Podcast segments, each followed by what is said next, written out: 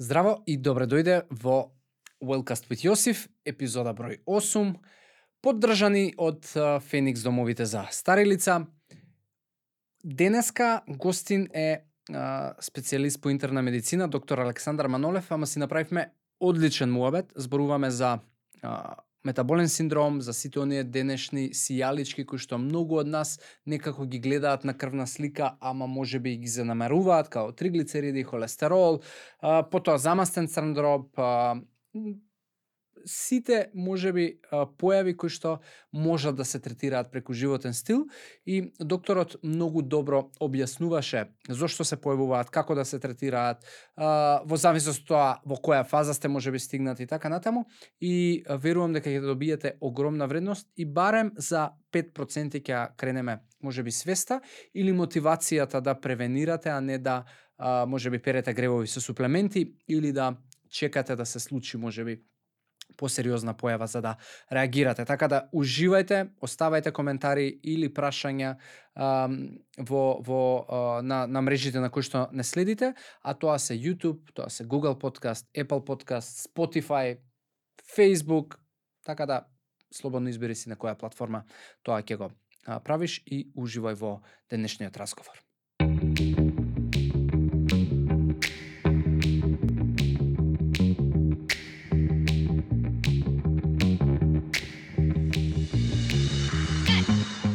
Докторе, фала ви на прифатената покана и на експедитивноста за тоа што се слушнавме, што е ова, добро за што ќе збориме, се договоривме што ќе збориме и се договоривме кој датум да биде и тоа беше многу многу едноставно. И ме радува фактот што е така затоа што тоа некако барем мене ми е показател дека можеби сте сте ослободени од тоа его и дека треба луѓе да нели да ме молат, туку напротив сакате да да бидете присутни да дадете да информации, да допринесете.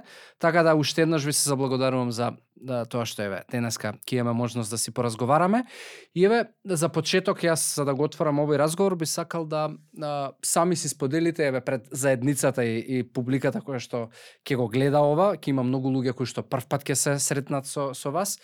Кој е доктор Александар Манолев и што прави а, во, во која е неговата мисија и што вие правите секој дневно со, со луѓето со кои што работите. Благодарам за поканата, ми често задоволство. Имав прилика да ги видам твоите подкасти од предходно и на вистина ми се допаднаа бидејќи се доста лавави. И излегуваме таа комфортна зона на нели на премногу професионален мод нели кога снимаме емисии така натака и така се осеќам многу комотно нели. Фала. А, по специјално сум интерниста, работам веќе малку до 13 години, претходно работев како матичен лекар 8 години, значи веќе 20 години како лекар работам. Значи би рекол едно еден полувек, нели, кој што ми е доминантно посветен на она што е најчеста фреквенција, нели, во лекарската пракса. Тоа се кардиоваскуларни заболувања, метаболни заболувања, нели, понатака заболувањата кои што се во доменот на интерната медицина и поврзани со раната диагностика и превенција, тука влегува ултразвукот во диагностиката, нели, а диагностиката на болестите, пратење на пациенти со интернистичка патологија, нели, и нивна тријажа, нели, во една поширока смисла. Фокусот ми е доста на она што најмногу да не оптеретува секојдневно, а тоа се метаболните заболувања, а, кардиоваскуларните заболувања, ќе го спомнам тука масниот дроб од нервохолно потекло, нали, кој што е многу често во нашата пракса. Доменот ми е тюридната жлезда, тюридна патологија со биопсија, нели, неинвазивни техники, како што е еластографијата во проценка нели, на промени кај црниот дроб, кај тюридното ткиво Го работам доменот на васкуларната неинвазивна ангиологија, значи диагностика со доплер на заболувања во артерискиот систем, дивно степенување, рана превенција, употреба на лековите, полифармацијата. Го работам делот на вонхоспиталниот венски тромбемболизам или длабоката венска тромбоза и тромбофлебитот, нели, преку диагностиката, пратење на пациенти кои што се можат во амбулански услови нели и нивно понатамошна тријажа нели према повисоките инстанци широк опус на интерна медицина и многу веројатно најтешкиот дел кој што многу мина и избегнува да го работат во мојата бранша, тоа се така наречените мултидисциплинарни пациенти или пациенти кои што имаат повеќе заболувања, со голем пул на лекарства, каде што навистина во одредено време од животниот век, поготово во ние позни години, кога луѓето 75 година работите излегуваат од комфортната зона на медицината и каде што организмот нели веќе ја губи онаа флексибилна мок, па тогаш лекарот навистина мора да има искуство и знаење и еден сенс повеќе нели за да знае што треба да искоригира како и така натака. Е, со Супер, да. зборови со доста кажам. Точно. Меѓутоа реално тоа ми опусот на работа, нели кој што во работа на позадина. Супер. Докторе, вака, ја би почнал малку и хронолошки, ако гледаме најголемиот развој во медицината и науката се случува можеби во последниве 100 години а, и технолошки гледано и, и нормално а, па и, и од, од аспект на тоа дека а, има има голем импут на на луѓе доктори кои што на вистина се едуцирале, се инволвирале, допринеле и така натаму. И ако гледаме хронолошки медицината стварно придонела за да а, си го зголемиме животниот век. А, почнувајќи не знам од вакцини, од диагностика, од терапии, антибиотици и така натаму кој што денеска некако имаме чувство, особено тоа да, пандемијава ни го, ни го донесе ги, ги, ги донесе на површина тие можеби некои слабости, да понекогаш луѓето може би сите тие бенефити кои што медицината ги донесе, како терапии, како лекарства и така натаму, се злоупотребуваат, па дури и хистерично се употребуваат и од суплементи, и од антибиотици и така натаму. И колку до, до, прашањето мене конкретно тука ми е малку по поопширно да кажам, односно дали постои некоја граница до каде луѓето а, треба да се подпираат на ис, исклучиво на терапија, односно оној менталитет и живење правам живеам ден за ден и правам што сакам и како сакам до моментот доека не ескалираат работите, па после можам да си се подпрам на терапија. Дали тоа и да треба да има лекарот, нели? Да, а, и и дали можеби од другата страна па превенцијата исто може да да биде проблематична во однос на на тоа дека правам што сакам, ама се суплементирам за да си ги перам гревовите и и и многу тоа го гледавме у, у пандемијата. Се користеа премногу суплементи за перење на гревови за да не се разболам, се користеа премногу антибиотици на а, и, и, и различни лекарства. Сега повеќе сте запознати. Пандорината кутија во позадина така. ја отвараме. Ако е тоа прашањето, нели те прекинав, ќе да. ме извиниш. Го, го разбрав. Да, го разбрав прашањето. Сега тука допревме повеќе работи. Прво ги допираме да кажем двете битни категории на пациенти, оние кои што се во превентивен мод, ран, каде што немаме болести и се превенираме, нели? И ги допираме оние пациенти кои што веќе се лекуваат, имаат постоечки заболувања. Ковидот ќе го трнам на страна од овие две групи на, на, на да кажам, на пациенти во позадина, односно граѓани. Од причина што пандемијата е нешто што излегува од нормалната рамка на медицината до овој момент. Зошто го кажувам тоа? Бидејќи прво е нова состојба, нова болест, и реално медицината во првите 6 до 12 месеци немаше многу информација да се постави.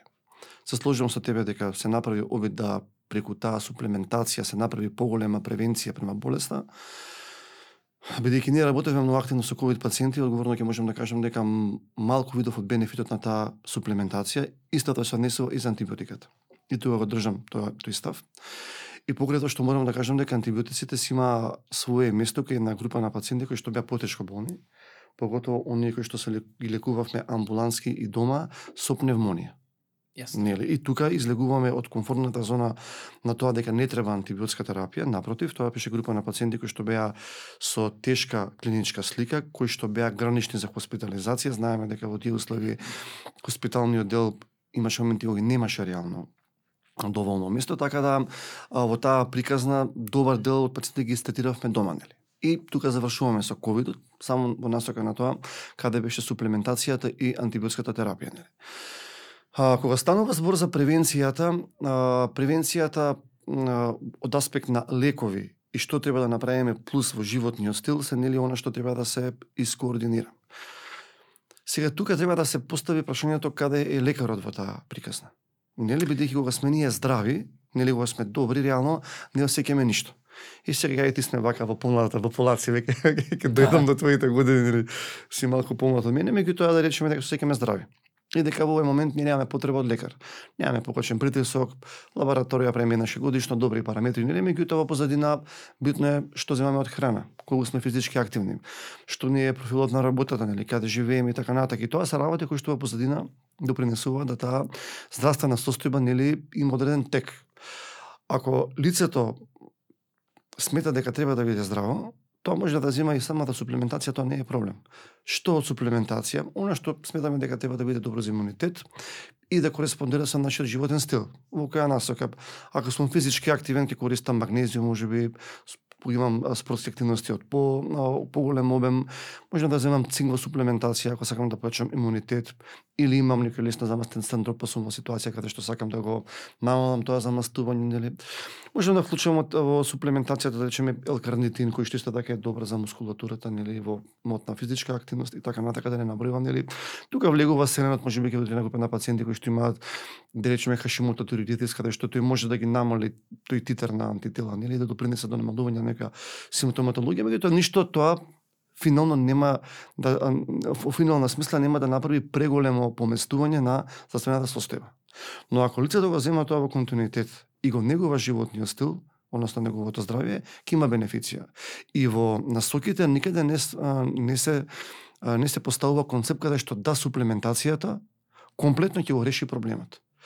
Суплемент значи додаток додаток кон животните навики, додаток кон постоечката терапија во нашето здраве, ако е пример на превенција и имаме ние суплементација кај пациенти кои што имале срцев удар и мозочен и даваме суплементација повторно зашто бидејќи знаеме дека таму имаме бенефит.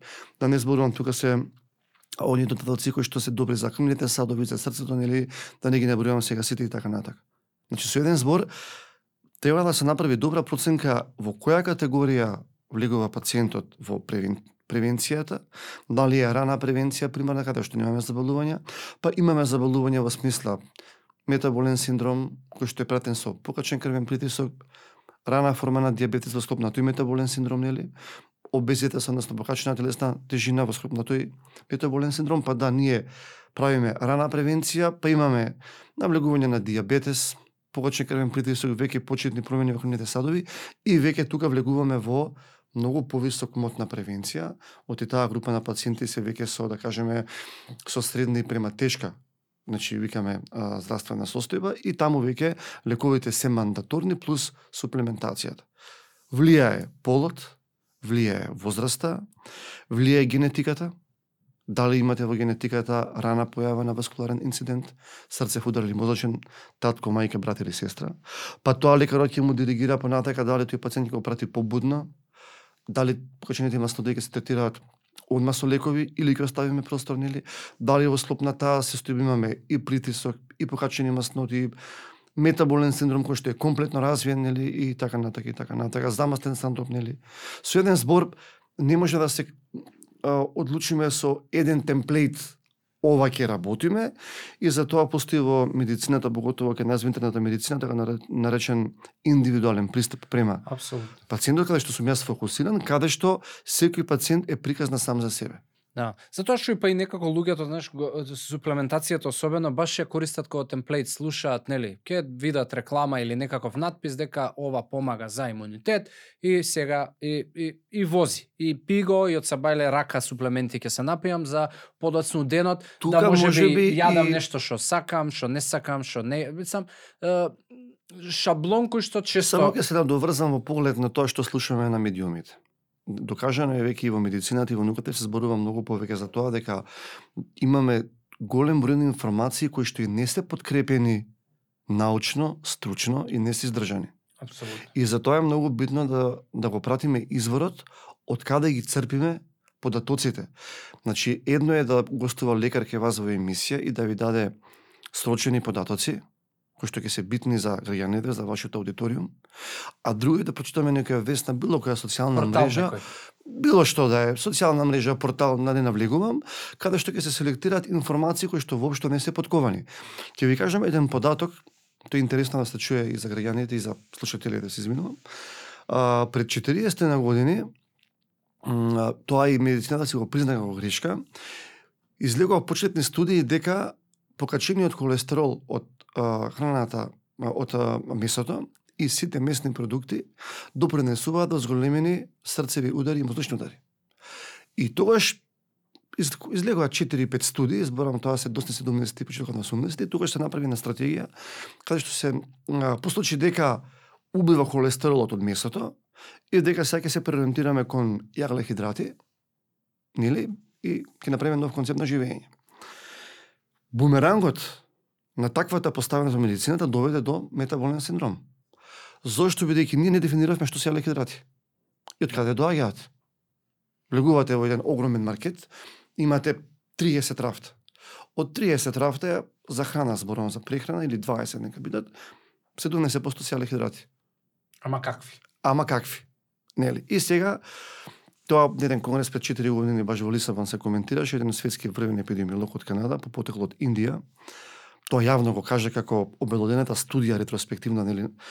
А, го кажа заклучокот дека медицината е направила најголемата грешка преку тие студии кои што во принцип не биле издржани, а негативниот ефект према човештвото и према граѓанството во светот е неповратно неповратно сменет во неговиот диетален тек, за да на крајот ние сега се справуваме со, да кажеме, една тивка пандемија на метаболниот синдром, нели, кое што за жал многу тешко се контролира. И сега ние денеска разговараме токму заради тоа за да пробаме делот тој тек да го насочиме правилно за да граѓаните знаат што е тоа што навистина им треба во морето на информации, во морето на суплементи и така натака.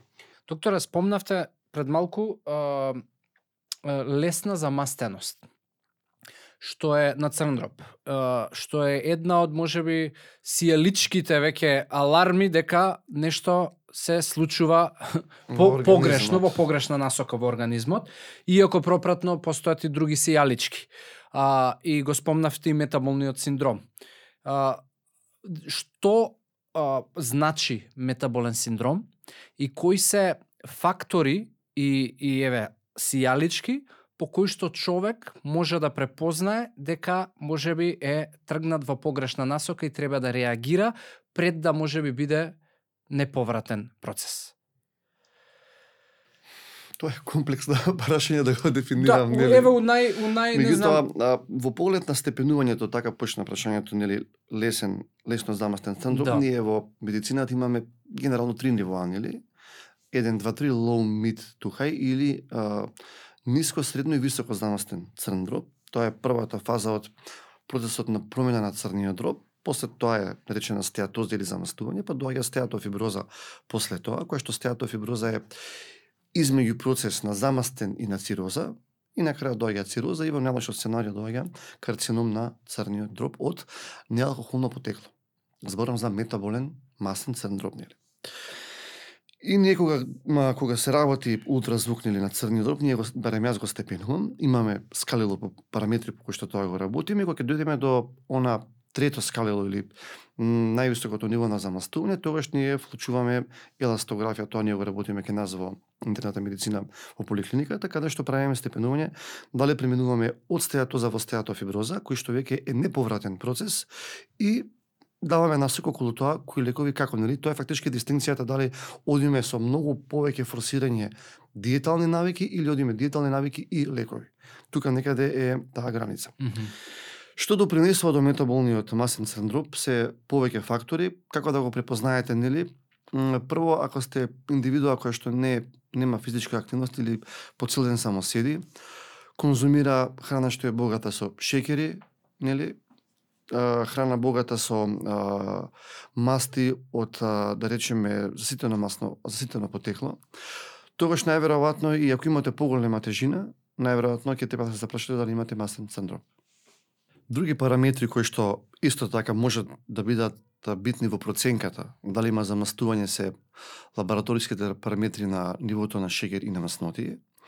А, интересно е што, например, по еден липиден профил, значи по еден на оние параметри... Значи не е само фактор ултразвук да правиме за да видиме дали имаш метаболен синдром. Неколку сијалички Така е, светат. значи имаме повеќе параметри кои што заеднички го степенуваат замастувањето.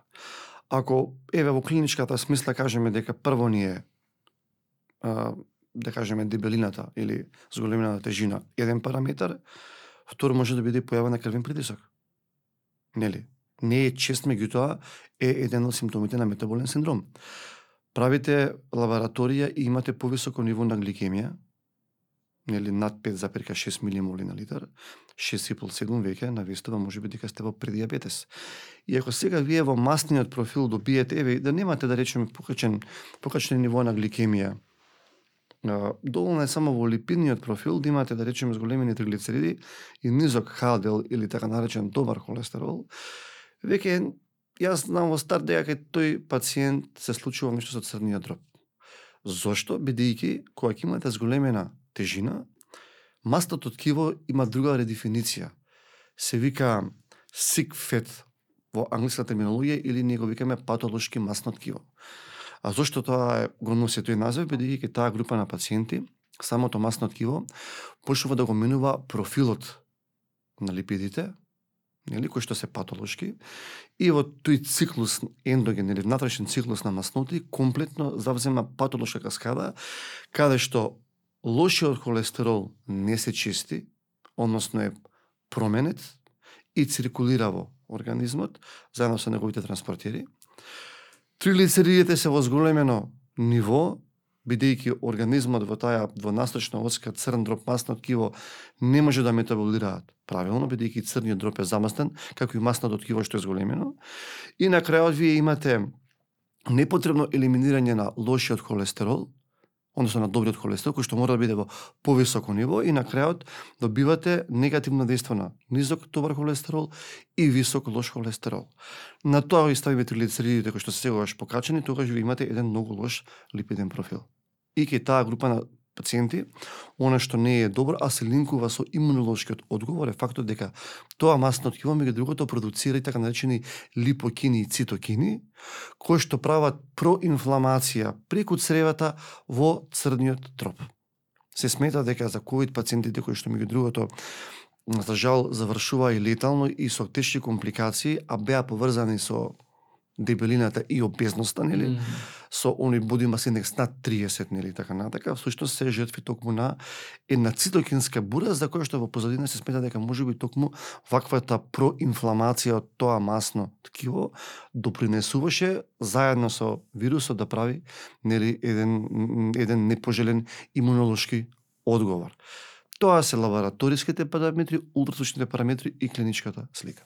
Значи, а, еден заклучок дека можеби најпрвата сијаличка и, и знак дека работите ќе тргнат во, во погрешна насока и најверојатно ќе се доживее тој метаболен синдром е вишокот на килаж. Апсолутно се сложувам, да, апсолутно. И фактот дека немате физичка активност и седите дома. А дали се случува кај луѓе кои што немаат вишок на килажа, едноставно така, некојаш кај некои луѓе ќе речеме генетика, тоа е тоа. Невежба, не, ништо посебно не се храни квалитетно. А, дали кај таквиот профил на луѓе може да се појават лоши параметри и метаболен синдром? Метаболен синдром е тешко да се сретне кај таквата група на пациенти, бидејќи кај таа група на пациенти од петте фактори кои што го исполнуваат критериумот, прво ја немате дебелината или обезноста, Добро. што го исклучуваме. Таму ретко се качуваат триглицеридите, како нели втор битен фактор и м, ретко имаат покачен крвен притисок. Ако имаат покачен крвен притисок, секогаш одит со покачен LDL, но другите три параметри не се присутни. Yes.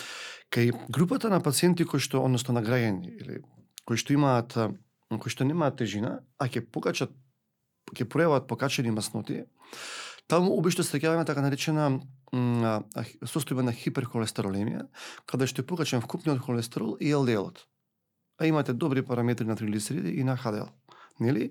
И тоа е генетски условено, тоа се така наречени полиморфни mm -hmm. а, а, генетски мутации. А, повеќе се наброи, настануваат од екс обично ги имаме во едно колено предходно. И ке таа група на пациенти, животниот стил не може да влијае на тие покачени масноти. Но за жал покачениот холестерол... И како како би живееле тие луѓе? Тоа е оној предизвик кога го имаме кај таквите пациенти, нели, дали покачениот LDL холестерол пропратно со другите параметри кои што би допринеле до до повреда на крвниот сад, ќе испровоцираат рана артериосклероза, тука ви влегува и пушењето меѓу другата како ризик фактор, нели? И ќе спровоцираат ран васкуларен инцидент.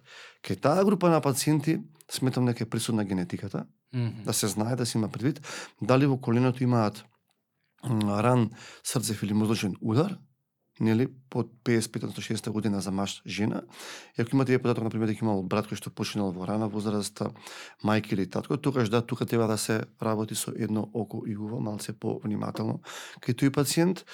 И ако кај тој пациент, например, еве доплерски да речеме, покажеме дека имаме повреда на крвниот сад со веќе формирани нели атероматозни промени, плаки и така натака, тоа што се а, група на пациенти не се многу наброи, но се кандидати за терапија со статини, бидејќи статинот погледате што го решава проблемот со маснотиите, има директно влијание на самата плака што се создава, ја стопира, дури кај некои пациенти ние викаме прави реверзибилност, односно ја намалува големината. И тие пациенти во голема мерка се превенирани во кардиоваскуларна смисла се разбира медицината никогаш не работи во апсолутна бројка да се разбереме, но како лекари сме го завршиле она што можеме, нели? Јас. Во поглед на тежината уште еден битен податок, кога станува збор за масниот црн дроб, после состапена така наречени а, на група на пациенти кои што имаат а, замастен црн дроб кај lean individuals или кај слаби индивидуи, каде што најверојатно генетски е условено и тука она што многу фаворизира се благите напитоци, Кока-кола, м, се што е газирано, нали, да не ги набројувам сега Фанта, Спрайт, нели, сите благи сокови, ко- за кои што се смета дека има и а, а, м, а, зголемина внес на фастфуд.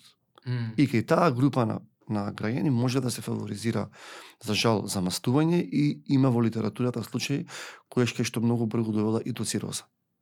Не се знаат причините, морам да ви кажам отворено, а, да не бидам брутален во исказот Да, да, дека да. нели тоа е за сите како темплейт постоја случаи, сметам дека тука медицината не е докажана.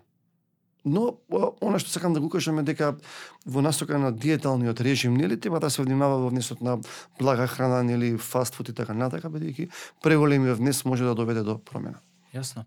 А пред да некој нели се, се појави, обично луѓето немаме толку можеби навика да правиме интернистички преглед со ехо и, и така натаму, но можеби имаме повеќе навика за преглед на крвна слика, нели, некои основни параметри и тука најчесто нели триглицеридите ќе испливаат на површина, холестеролот ќе ќе се покажат бројките, гликемија и така натаму. И и, и некои луѓе ќе ги видат можеби првите аларми. Е сега ме интересира кои се најголемите фактори да речеме, беве јас имам познаници и пријатели кои што немаат, нели, не се обезни луѓе, се можеби со 5 кила вишок до 10 некаде, а, но кои се најголемите а, причинители за за да се покачат во смисла од животен стил аспект гледано, не од од генетика, а, не од можеби, нели, можеби предизвикано терапија што се користела за третирање на некоја друга состојба, пошто а, и, и тоа може би да биде нели некој side ефект, туку зборуваме за животен стил. И конкретно мене прашањето ми е дали повеќе влијание има, да речеме, консумирањето на многу калории, дали има консумирање на доволно калории но од погрешни извори или а, немањето физичка активност. Каде тие три работи, кое по кое е најголем предизвикувач, Па, можеби дали постои Студиски е докажано дека во промената на сите три фактори што ми ги спомна, има одлична промена во метаболниот синдром, ама ако се спроведат. И Добро. тоа студиски е докажано така. Значи првото прашање што ми го постави беше каде е зголемениот калориски внес. Апсолутно дека е првиот проблем. Каде го гледаме тоа? Дали друг подпрашање, а, дали јадам здраво, ама плюс 1000 Тоа сега калории, да дали тоа може да биде да, да, да, Е, Тоа сега да ти го да ти го да ти го кажам со пример. Значи јас многу пати на пациенти им кажам ќе им кажам сметам дека имате поголем калориски внес него ли тоа што го трошите. И тие ми тие ќе кажат ама јас не јадам многу. Јас им викам во ред седнете 7 дена запишувате што внесувате од храна. И денеска пијам чај, кафе, толку шеќер. И кога ќе се присмета калорискиот внес и што тие работеле во текот на тие 7 дена, да тие не внесле можеби преголем калориски внес, но калорискиот внес за сметка на потрошувачката е поголем. Ви имате представа дека не јадете, што е стварно така. Но вие и не трошите, значи третото твое прашање, каде е тежината, односно немањето физичка активност, е фактички поврзано со првото. Mm. Значи вие ако еве да речеме протечно јас треба да внесам дневно, не знам, 1800 килокалории, јас ќе внесам 2200, ти ќе ми кажеш не е ништо 300 килокалории. Да, не е ништо, ама јас ако не сум потрошил денеска сум имал нула физичка активност, само на базален метаболизам сум бил, тоа за мене е повеќе нива што треба. Нели? И фактички тука е линкот колку хиперкалорискиот или прекомерно зголемениот внес влијае нели на појавата на метаболниот синдром. Второто и најбитно прашање што ми го постави е квалитетот и видот на изборот на храна. И апсолутно, тоа е докажано кај мастниот синдром, дека пациенти кои што правеле само промена во видот на храна, а не го намалеле калорискиот внес, имале намалување на замастувањето. Што директно корелира со фактот дека прего дека внесот на храна богата со јаглехидрати да од типот на сокови, а, се што е процесиран шекер, да не набројувам, употреба на палменото масло кој што веќе во Европа се забрани, а, суместната храна нели така натака, која ќе се извади од исхраната, зборам студиски, пациенти пратени цела година, дури имаме студии по 5 години ги имаат пратено, доаѓа до 35% регресија, односно намалување на степенот на замастување. Друг битен Параметра за тоа колку е битен видот на, на и типот на храната, а, за оној епидемиолог што ви останав од Канада, тamo е направена една огромна студија на деца во школска возраст во рурална средина, односно а, а, а, селска и градска средина.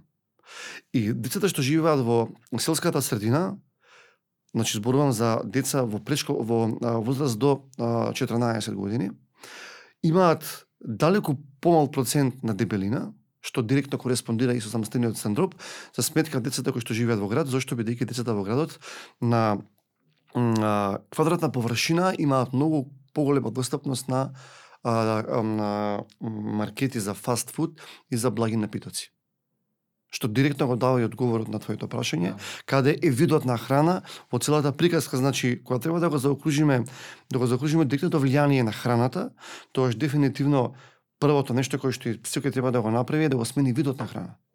Што подразбира тоа? Ако... Не толку калориите, колку изворот на калориите. Па видите, знаете како метаболниот синдром има своја меморија. Клетките има своја меморија. Има студиски е докажано, на пример, старци се одгледувани паралелно со шекер и со кокаин со хероин. И со месеци. И после тоа ги пуштаат од кафезот, им ставаат во еден тањер хероин, во другиот ставаат а, Сторица од шекерот. Зошто? Бидејќи на глукозната зависност е генетски детерминирана. Нагладно за преживување е директно линкуван со глата која што зависи од шекерот. Да. Значи мемориската а, меморискиот потенцијал е огромен. И сега вие да речеме еве јас имам 45 години ќе земам за пример, 20 години внесувам да речеме секој ден јаглохидрати во вредност од не знам 800 килокалории. Колку вие ќе успеете лесно да ми го смените мене метаболизмот? Не е лесно. Не викам дека не може, меѓутоа треба да се пристапи многу правилно. Најголемиот неуспех кога луѓето влегуваат мотивирани во првиот чекор радикално не јадам, ентузијастички. Ентузијастички И јас, ако нешто не секам, тоа е токму тоа бидејќи одма не се случува после 3 до 6 месеци ребаунд феномен или феномен на повторно враќање на тежината, меѓутоа сите тие пациенти враќаат и 10 до 15% над онаа тежина која што им била почетна за да ја намалат.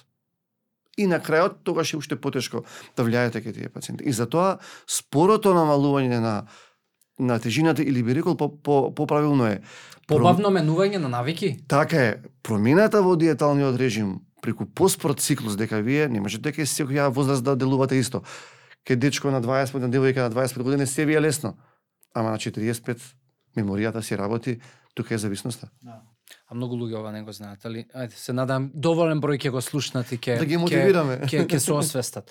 А, ко, кога зборуваме за еве конкретно и за храната, алкохолот е некако составен дел од, од живењето. живењето. Мислам, ја го неам сврлено и вино и пиво, особено у потопли месеци, сакаме да се напиеме. Каде е, е границата во смисла кога алкохолот станува проблематичен и кои типови на алкохоли се се проблематични, еве, и, и ќе афектираат здравје? Конкретно, ќе ќе убрзаат појава на метаболен синдром? А, медицината не забранува конзумирање алкохол, значи тоа апсолутно во сите водичи стои. За мене лично најголемиот проблем е кога лицето навлегува во метаболен синдром со хиперкалориски внес на блага храна и во исто време конзумира повеќе алкохол. И сега каде е тука, нели, на границата? А, масниот синдром има две дефиниции, алкохолен и неалкохолен. Алкохолниот треба да внесувате над 25 грама, да речеме, дневно, за да кажеме дека алкохолен. Меѓутоа, вие дека ги спиете без тоа, не знам, две по чаши вино, три така. Да. И ако не сте внесле преголем калориски внес на шекер, тоа и не е толку страшно. Ама ако вие сте внесле денеска 20-30% повеќе внес на шекери, него тоа што може да го потрошите. И плюс внесувате алкохол, повеќе од таа граница, веќе имате проблем. И тоа е фактички една миксна форма на замастување, каде што и алкохолот и шекерот заеднички, како двајца близнаци, си го прават ефектот кон замастувањето. И тука сега што е проблемот, имате зависност шекерна, која што е од внесот на храна богата со шекери, јаглехидрати, но имате и зависност од самиот алкохол. Меѓутоа тука имате две компоненти. И шекерот, да не забораваме дека алкохолот има голема количина на шекер, поготово домашните вина и раки кои што имаат многу повисок процент на алкохол и со тоа фактички имаат и поголема калориска вредност за 20% неголи конвенционалните. И на крајот имате зависност од самиот алкохол. И тоа се фактички два моменти кои што за жал нас не ни се допаѓаат. И сега тука е прашањето ако пристапиме терапевски, што како би решиле? Да, пошто не можеш да му речеш на човек не јади мрсно, не пи алкохол. Тоа е нај некако Вие треба да го решите проблемот така да се намали се вкупниот вес и на шекер и на алкохол, нели во позадина, а да при тоа не ја испровоцирате зависност. Тоа значи дека балканскиот рецепт е најдобриот за метаболен синдром. Си седиме, си пиеме и си, и си мезиме. Во исто време и тоа така похована даска, сува местнато и е практично спојот кој што кој што И шекерите, види, на пример, еве не мора да е само даската, ние се фекаме за даската, на пример, никој не се феќа за шекер, од мене тоа на пример многу пати ми паѓа во очи. Вие седнувате на просечна прослава, да кажеме на Балканот, ќе внесете се што од а, меснати продукти, ќе ќе јадете, не знам. Меѓутоа никој не спомнува колку сок ќе спиете. Еве имате на пример половина луѓето не пијат алкохол, така. Тие седнуваат ќе спијат пола литро литро блак напиток. Тоа не го рачуна никој. Тоа не е дел од нели пиењето. Некој ќе спие литро вино, некој ќе спие литро сок. Значи мала ви е разликата. Никој не води сметка што се внесува после оброкот. На пример еден од најголемите проблеми во правењето на зависност и замастувањето, например, е се об, се така начините снекови или ужинки. И тие прават најголемо а, забрзување во заместувањето и правењето на зависност. Кога се тие најчести? Па навечер. Работиш до 4-5, така доаѓаш дома, правиш грешка, не доручкуваш, јадеш 12-1 прв обилен оброк, денот физички тераси работи, нели, влегуваш во хипогликемија, доаѓаш дома колку во 5, во 6, го отвараш фрижидерот и од него вадиш се, Истураш. или влегуваш во фрижидерот, се затвараш и јадеш. Нели? Ама проблемот е кога те у 6, во 7, седнеш по телевизор. И ти во 10, 9, 10 пак ти се пријадува. Пие некој сок, некој ќе се напие виски, некој ракија, некој ќе пие благ сок, некој ќе јаде благо. Е фактички измеѓу оброците се оние кои што исто така се голем проблем. Фаворизираат зависност, фаворизираат замастување и многу побрзо одат кон влошување на метаболниот синдром, а тоа е појава на диабетес. Нели? Е сега тука пример добро прашање е што е полошо? Диаб... преддиабетес и инсулинска резистенција од една страна, која што е независен ризик фактор за васкуларни заболувања, нели? И диабетот да ги ставам.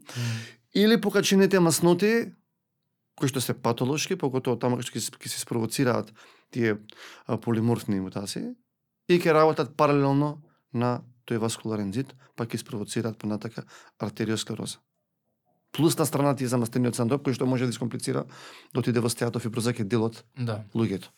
А се уште ние во скоро време сум сигурен во наредните години ќе излегуваат сите тие лоши ефекти од метаболниот синдром, тој многу се фаворизира а, што да речете во последните 10 години, дека јас работам скоро 20 години ултразвук на абдомен, односно на цендроп. Јас кога почнав да работам пред 20 години, 18 години, немавме многу заместување. И имавме ке пациенти кои што имаат диабет, тоа е очекувано, нели? Меѓутоа, младата форма што имаме ние ке луѓето во, два, во втората декада, тие се проблем. Да не зборувам, ние сме имале деца на возраст од 12 до 14 години кои што имале замастување кои што било стравотно. И во прашалникот, пример, родителот кога прашуваме како се хранат, станува збор за деца кои што година, две, три се хранат строго на фастфуд.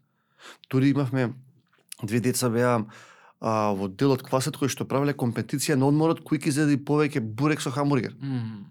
Чисто го мисли тоа не е тоа пример за сите Да, се деца. исклучоци, но Ама сакам само да го потврдам фактот на науката дека токму таа храна го фаворизира и го поддржува замастувањето, она што ме постави го прашање, нели? Да, затоа е тивка пандемија, пошто се поише се спушта на, на, на, на помладите а, генерации на луѓе, кои што Тие се две пандемии кои што одат паралелно баш сега во предсет на Конгресот интернет што го прави имаме таква една сесија, имаме една сесија тоа е масен синдром, паралелната пандемија нели на диабетесот.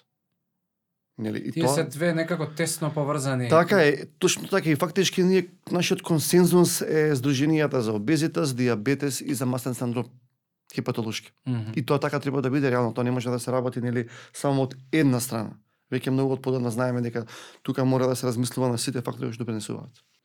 Фактор за овие, нели, со староста нормално дека доаѓаат и, и болестите некако, нели, сме сме Со возраста би рекол. Со повеќе. возраста, да. И е се тука има и една на ја еве чисто и да ве запознам со со татко ми да речем имаше м, диагноза рак на простата. Тоа беше пред 12 години. Се оперираше пошто беше у прв шести нели стадиум што го викаат, но се префрле на коски, примаше терапија. А, од терапијата side effect се случи вилицата долна да се распаѓа, имаше три дополнителни операции на на максилофацијална. А, животниот стил драстично се смени, што многу помогна да до ден денеска е жив, но пред 5-6 години се појави успати а, Алцхаймер со деменција, која што до, веќе влезе во, во стадиуми кај што ете, заврши у, у јануар, заврши у, у старечки дом и практично и така почна и мојата приказка на инволвирање и допринесување во оваа индустрија на фитнес, велнес, здравје, бидејќи некако најдов значење во тоа дека сакам да им помогнам на луѓето да одложат, бидејќи животниот стил одлага Точно појава така, на тоа е болести. правиот збор одложување. Но а, сведок сум и на фала Богу што татко ми прифаќаше промени во животниот стил. А, и најверојатно и затоа 12 години се продолжи животот. Но Што има многу возрастни луѓе кои што живеат со ставот помина моето тек сега ли ќе ќе а, менувам нешто. Колку тоа држи вода во контекст дека нели меморизирало телото па џабе е што и да правиш а, или или е, е тотално погрешно и себично можеби затоа што на крај на денот оставаш позади себе луѓе кои што ќе им бидеш терет, така? Ако си болен и ако станеш уште поболен или поболна, си не, нечи терет на луѓе кои што можеби се у помлади години, кај што треба да те мислат, да стрепат, уште колку ќе живееш, уште да не те најдеме, знаеш, тоа се мисли кои што се реални, кај мене се јавувале, кај секој се јавува, си, да. особено за родител, за човек кој што го сакаш, колку е тоа, знаеш, можно ли е човек, по татко ми е, знам дека е можно, но еве пред да се појави болест, ако почнат да светат овие сијалички кај личност на 60 години, на 65, на 70, дали може да се вратат на назад? Со живот. Добро, сега тука имаме повеќе примери. А, генерално а, немаме ние во медицината градација према годините бидејќи кондицијата е различна. Нели имате вие индивидуи кои што на 80 години изгледаат фит, Така. одлично. И имаат една таблетка и толку ретки се тие, се поретки за жал. А, доминантно луѓето во таа шеста декада имаат добра кондиција. И тука вреди човек да внимава на животниот стил. Прашањето што да се смени е тоа што е тешко и многу пати доаѓам во конфликт во мојата работа токму со генерацијскиот јас на апропо твојот коментар најчесто родители деца кога децата сакаат да вложат за својот родително помош што апсолутно го почитувам и така треба да биде и индиректниот отпор кој што се јавува на родителот кој што отпор не е можеби толку многу за да се контролира колку што едното не може да го спроведе она кој што го бараат од него децата. И тука мислам дека лекарите се клучниот фактор како треба да се постави да се постави во таа ситуација, кој е модусот према Да дадената здравствена состојба. Што подразбира тоа? Ако имате вие татко на 60-70 години, само што се пензионирал, нели, година две после пензија, по добра кондиција, реално тоа е индивидуа кој што треба да си го среди здравјето.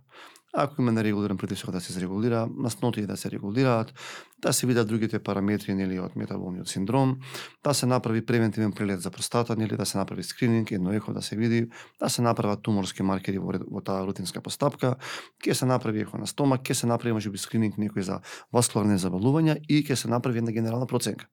И кај таа индивидуа вреди да се инвестира промените мораат да кореспондираат со многу работи. Да кореспондираат со финансиската состојба прво на фамилијата. Психосоцијалниот момент е многу битен. Брачниот статус на индивидуата. А, дали се живее во стан, дали се живее во село, во приградска средина. Ако советувате вие, да речеме, физичка активност, каде ќе се обавува, на кое место. Значи, тука има многу фактори кои што влијат како тоа би се спровело. Одговорот е многу повеќе во фамилијата и во лицето, неголи во докторот. Меѓутоа, ние како лекари мора да посочиме што е она што му е битно од здравствен аспект. За... Вие го имате авторитетот да може Точно ви... така. И да го дадеме советот и се разбира понатамошниот текст со мониторинг на тој пациент да одиме кон еден квалитет на живење. И тука можеме да кажам дека имаме одлични искуства за таа група на пациенти, каде што ги ставаме во еден контролен мод и стварно не правиме преголеми промени можеби во животните навики, да посочуваме ако се конзумирала премногу алкохол да се намали да речеме, ако во храната доминирала многу блага храна да се регулира, немале физичка активност ги мотивираме со пешачење, кој може вози велосипед и така натака, кој има дома двор, работи во дворот, во градината и така натака. Нали се бара модусот кој што за него е прифатлив и тоа така треба да биде. После 75 година е се потешко. Зошто бидејќи како што ти спомна веќе доаѓа до ние викаме психички промени кај човекот. Тука се деменцијата, Алцхаймерот, нели така надека. И тоа е реалност во нашето обкружување. Тука одлуките се тешки за сите. И за фамилијата, па и за самото лице кое што е болно, за жал таму комуникацијата не е многу отежната, нели? А, друг факт е дека ќе тие индивидуи често пати доаѓа до заболување каде што лекарот ќе биде многу треба да биде повеќе свесен дали нешто ќе пропушти или не бидејќи пациентот често пати и превидува што се случува, не може да каже фамилијата некои работи ги забележува, некои не ги забележува, или пример, изгледа слабе, губи на апетит, не јаде, често пати самата болест може би тоа ќе го провоцира, но може би во некои работи некој малигно, треба и на тоа да се размислува.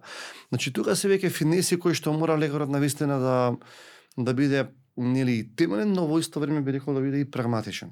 Значи да не се прават премногу диагностицирање, тука да се види што е она што нели влече и на која страна влече. Тоа се вие комплексни ситуации, тука немаме ние точен одговор, нели и тука а, пристапот е мултидисциплинарен, тука влегува во игра и психијатријата, неврологијата, интерната медицина, исто по прашање, mm -hmm. нели доаѓаат нели други специјалности кои што не се на испомош. Фактот е дека интерната медицина го води сегментот, меѓутоа веќе тука влегуваме на специфично поле Така да генерално нели во таа насока би се движеле во поглед на возраста нели и болестите како би оделе. Спомнавме денес храна, спомнавме алкохол, малку физичка активност, процесирана храна, генетика. Каде е тука според вас социјалниот живот? И така, може би самотијата, консумирање на информации, погрешни можеби. А, социализација со можеби а, погрешни луѓе или непогрешни луѓе. Каде што зборува еве интерната медицина за дали дали постојат некакви линкувања на на на тие Постојат аспекти? огромни линкувања вебинарите и настаните кои што ги правиме во рамките на таа Европска федерација баш го работат и овој домен, нели покрај mm -hmm.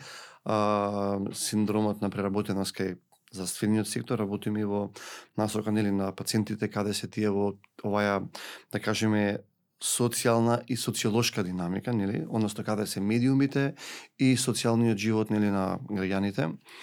Факт е на работа дека 21. век 2022 година го носат предизвикот на социјалниот а живот преку медиумите, нели, социјални. И тука а, на вистина ќе ни биде се потешко на нас лекарите, поготово интерната медицина, бидејќи тие многу тежниот кон они седентарен тип на живење што го спомнати и тука а, младите генерации се повеќе го фаќаат тој тек тука мора да се влијае многу повеќе преку нели повисоки системи инстанции како што се стратегија на државите, на школите, нели физичка активност кај децата, родителите, значи максимално да се одвик, да се отргнуваат децата од преголема употреба на телефони, компјутери, таблети и така натака. факт е дека ајде ковидот ја го трдам на страна, тој не, не беше пандемија две години, сигурно ќе заврши во нека блиска временска инстанца. А, битен е моментот на тие, да кажеме, депресивни состојби или анксиозни состојби кои што ги имаме кај луѓето, поготово младите. За жал тука постои онаја вајс верса оска или оска од а, депресијата према мастниот синдром и мастен синдром нели према депресијата према анксиозноста бидејќи самиот метаболен синдром генерира таква анксиозност. Mm -hmm. Зошто бидејќи таму а, нивото на тие слободни радикали е се поголем, немате добра кислородна потрошувачка, организмот легува во еден повеќе да речам анаеробен место аеробен метаболизам кој што преку низа на механизми, тоа се хормонски механизми, поврзани со хипофизата и така натака, нели, доведува до еден се повеќе седентарен тип на живење.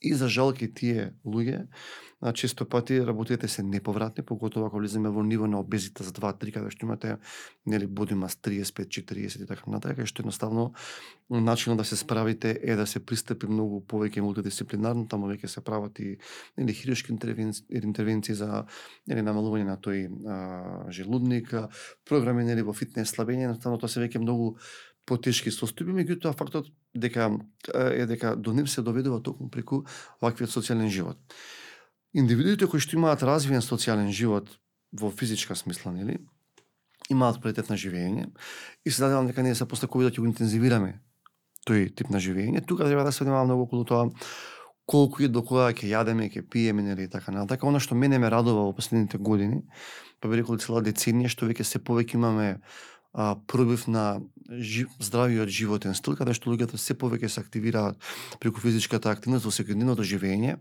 и медицината има токму таква интенција. Одам на работа пешки, одам на работа со велосипед, користам по теретана во сала, одам два-три пати по пола саат, саат, чугирам покрај кеј, се качувам на водно во тебе на дел, значи веќе луѓето се повеќе го имплементираат тоа и тоа ме радува бидејќи тоа се навиките кои што ќе се пренесат према новите генерации. Факт е дека за дел од луѓето ќе биде тешко тоа, нели? но реално и ние не можеме да влијаме на 100% нели од граѓаните. Но еве со секоја ваква, да кажам, секој подкаст емисија, твои напори, мои напори, напори на медицината, на твоите колеги, нели генерално ќе се подигне, ние викаме свесноста, нели, и ќе се направи мотивација кај луѓето да дел од ова го применат, нели. Денеска да овој подкаст ќе си го земе тоа што на него му треба. Апсолутно. Докторе, и као за еве да една завршница, а, пошто секојдневно работите со пациенти у поликлиниката, што е она у поликлиниката што може би ве прави уникатни од аспект на работа или од аспект на тим или а, технологија или може би сплет на, на тие три работи? Што не прави уникатни? Па прво не прави уникатни што сме фамилиарен бизнис. Второ е што Значи многу искуство. Да, многу искуство, значи две три генерации сме веќе на Браво. на нулеви. Она што не прави уникатни е тоа што сме посветени во примарната превенција. Значи доменот ни е педиатрија, гинекологија и рана превенција кај луѓето со метаболен синдром преку интернетната медицина. Веќе во неа имаме една апликација која што ќе биде токму во таа насока. Значи поставена да се прати здравјето на луѓето. А, фокусот ни е да ги решиме сите можни проблеми на едно место кај пациентите. Не е лесно, тешко е нели често пати имаме поголеми побарувања, нели меѓутоа од друга страна па и реално не можеме да одговориме во сите сфери. Но факт е на работа дека метаболниот синдром е премногу обемен и тука мора да се работи многу по а, по да кажам упорно со сите пациенти. Така да удикателство не е токму во тој сегмент би рекол, нели? Раната превенција, нели? Препознавање на болестите, лично работа во доменот на генетското препознавање, нели? Кои кои пациенти имаме можност за рано појавување на некој васкуларен инцидент, нели? Голема е борбата да се променат навиките, работиме во таа насока, нели се консултираме нели со други специјалности кои што работат во доменот на промената на животните навики, нели фитнес инструктори, нели оние кои што работат повеќе во диететиката.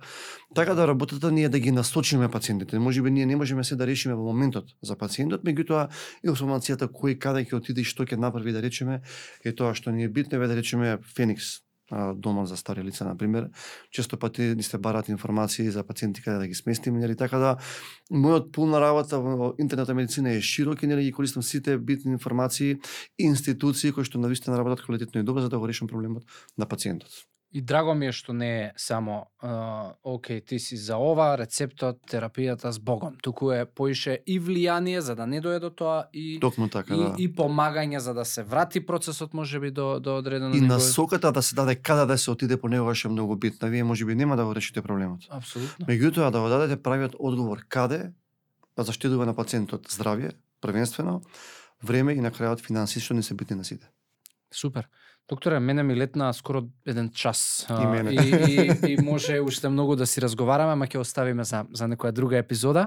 Фала ви уште еднаш за а, прифатената покана и за еве а, однака да, баш а, мотивирачкото а, и, и експертско а, излагање и се надам ќе се дружиме у следна епизода повторно.